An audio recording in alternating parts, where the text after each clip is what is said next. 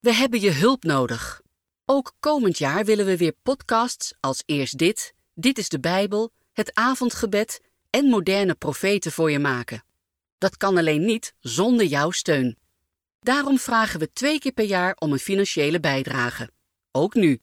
Ga naar Berichten in de Eerst Dit-app of naar de website izb.nl en doneer daar gemakkelijk en snel aan de IZB via een tikkie.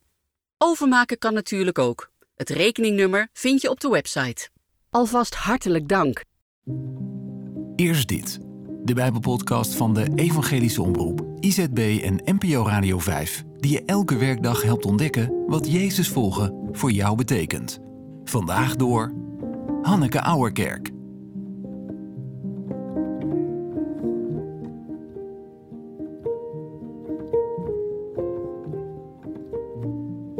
Wanneer je lief hebt, is dat een teken dat God in je woont. We lezen 1 Johannes 4, vers 11 tot 21. Geliefde broeders en zusters, als God ons zo heeft liefgehad, moeten ook wij elkaar lief hebben. Niemand heeft ooit God gezien, maar als we elkaar lief hebben, blijft God in ons en is Zijn liefde in ons tot volmaaktheid gekomen. Dat wij in Hem blijven en Hij in ons, weten we doordat Hij ons heeft laten delen in Zijn geest.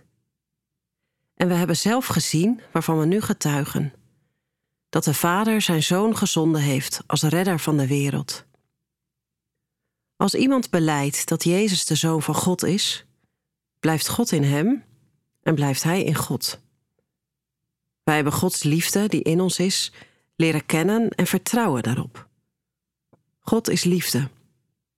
Wie in de liefde blijft, blijft in God en God blijft in hem. Zo is de liefde bij ons tot volmaaktheid gekomen en daardoor kunnen we op de dag van het oordeel vol vertrouwen zijn. Want hoewel wij nog in deze wereld zijn, zijn we als Jezus. De liefde laat geen ruimte voor angst. Volmaakte liefde sluit angst uit, want angst veronderstelt straf. In iemand die angst kent, is de liefde niet tot volmaaktheid gekomen. Wij hebben lief omdat God ons het eerst heeft liefgehad. Als iemand zegt: Ik heb God lief, maar hij haat zijn broeder of zuster, is hij een leugenaar. Want iemand kan onmogelijk God, die hij nooit gezien heeft, liefhebben als hij de ander die hij wel ziet niet lief heeft.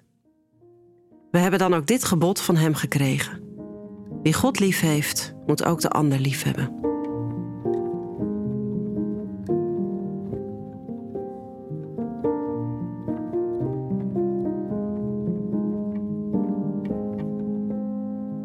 Dit is iets belangrijks en dat heb ik tegen veel mensen gezegd. En mijn vader heeft het mij gezegd en diens vader hem. Als je een ander ontmoet, als je iets met iemand te regelen hebt, dan is het alsof er een vraag aan je gesteld wordt. Je moet dan denken: wat vraagt God van me op dit ogenblik, in deze situatie? Zo mijmert de oude dominee John Ames in een lange brief aan zijn zoon in het boek Gilead van Marilyn Robinson.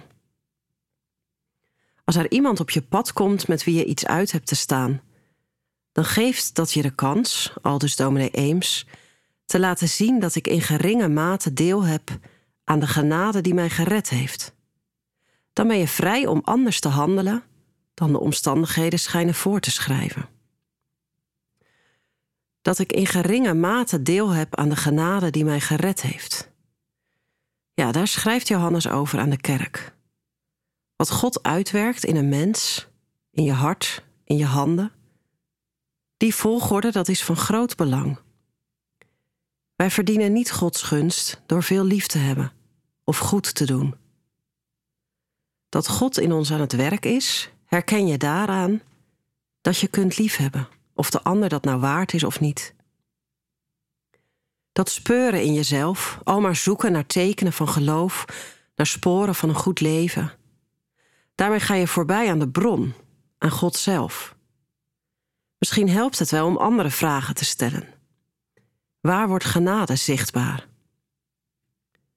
Let niet te veel op jezelf, maar op wat er gebeurt wanneer je je oefent in de liefde voor die ene broeder of zuster die een bron van ergernis voor je is, zodat er iets van God gebeuren zal.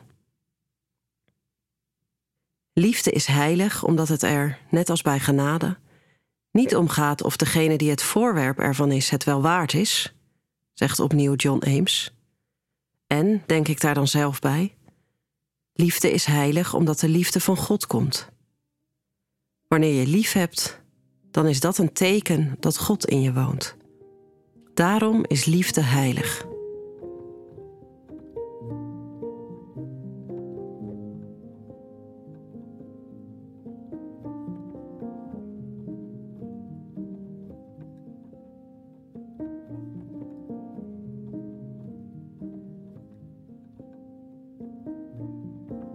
God van genade, u bent de bron van liefde. U bent de liefde zelf. Uit u wil ik putten, in u wil ik leven. Van u wil ik houden, u wil ik dienen. In Jezus' naam. Amen.